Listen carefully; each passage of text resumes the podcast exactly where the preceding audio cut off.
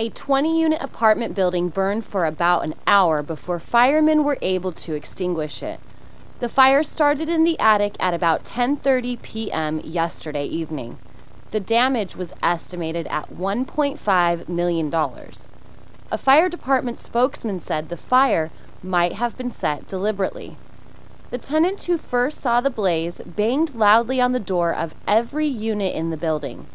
Occupants of 15 units were already in bed or preparing for bed.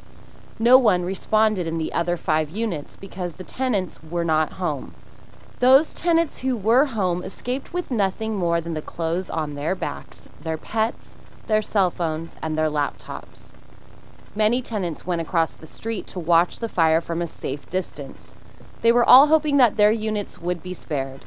Some of the pets were so disturbed by the noise, crowds, flames, and smoke that their owners could not hold on to them. They clawed their way out of their owners' arms and dashed away. The younger children were similarly frightened. They cried in their parents' arms. Two fire engines arrived at 10:45 p.m., but the entire roof was ablaze by then. Smoke and flames were visible in most of the units on the top floor. At about 11:35 p.m., the flames were extinguished. Most of the roof had disappeared. The top floor of the two story building was about 80% gone. Water was seeping into the ground floor units, ruining most of them.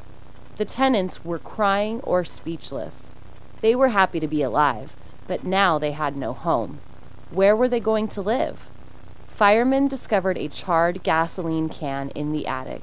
This was the second suspicious apartment fire in a month.